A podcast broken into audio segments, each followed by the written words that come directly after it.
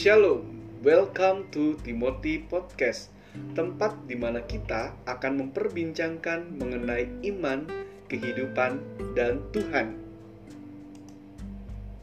Masih dalam tema restart, di mana kita akan bersama-sama memperbaharui kembali kehidupan yang sedang kita jalani masing-masing. Tahukah Anda, ternyata Tuhan paling senang dengan segala sesuatu yang baru. Banyak firman Tuhan di dalam Alkitab mengenai segala sesuatu yang baru.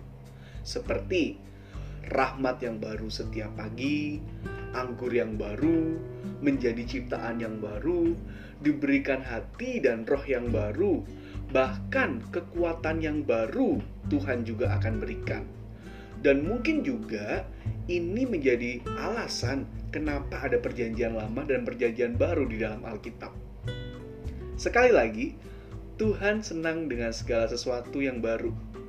Dan restart akan menolong kita untuk menjadi pribadi yang lebih baru. Baru adalah sebuah tanda dari sebuah perubahan. Dalam masa pandemi ini, ternyata saya mengalami perubahan, terutama dalam berat badan saya dan itu yang mengakibatkan saya harus membeli celana baru. Namun ketahuilah bahwa perubahan bukanlah perubahan sampai terjadinya perubahan. Dalam restart HP atau laptop misalnya, kecepatan HP atau laptop yang telah kita restart pasti akan ada perubahan karena ada proses yang terjadi di dalamnya. Sama juga dengan kita, Jangan sampai kita hanya suka menjadi penulis resolusi tanpa berproses sehingga tidak terjadi progres. Resolusi akan hanya menjadi resolusi tanpa sebuah tindakan untuk kita mulai berproses. Janganlah sampai kita berkata, "Aku mau berubah," tetapi tidak ada perubahan yang terjadi dalam hidupku. Mari kita dengarkan panggilannya Tuhan sedang memanggil kita untuk restart, mengulang kembali. Firman Tuhan dalam Yesaya 43 ayat 19 tertulis, Lihat, aku hendak membuat sesuatu yang baru, yang sekarang sudah tumbuh, belumkah kamu mengetahuinya? Ya, aku hendak membuat jalan di padang gurun dan sungai-sungai di padang belantara. Panggilan untuk restart adalah panggilan untuk membuat perubahan. Namun ketahuilah bahwa sering kali perubahan itu akan membuat kenyamanan kita menjadi terusik. Seperti perjalanan iman Abraham misalnya.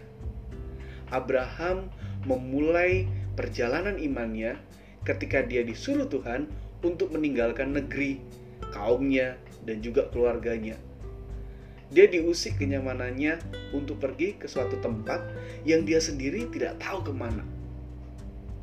Dia hanya taat dan fokus kepada panggilannya.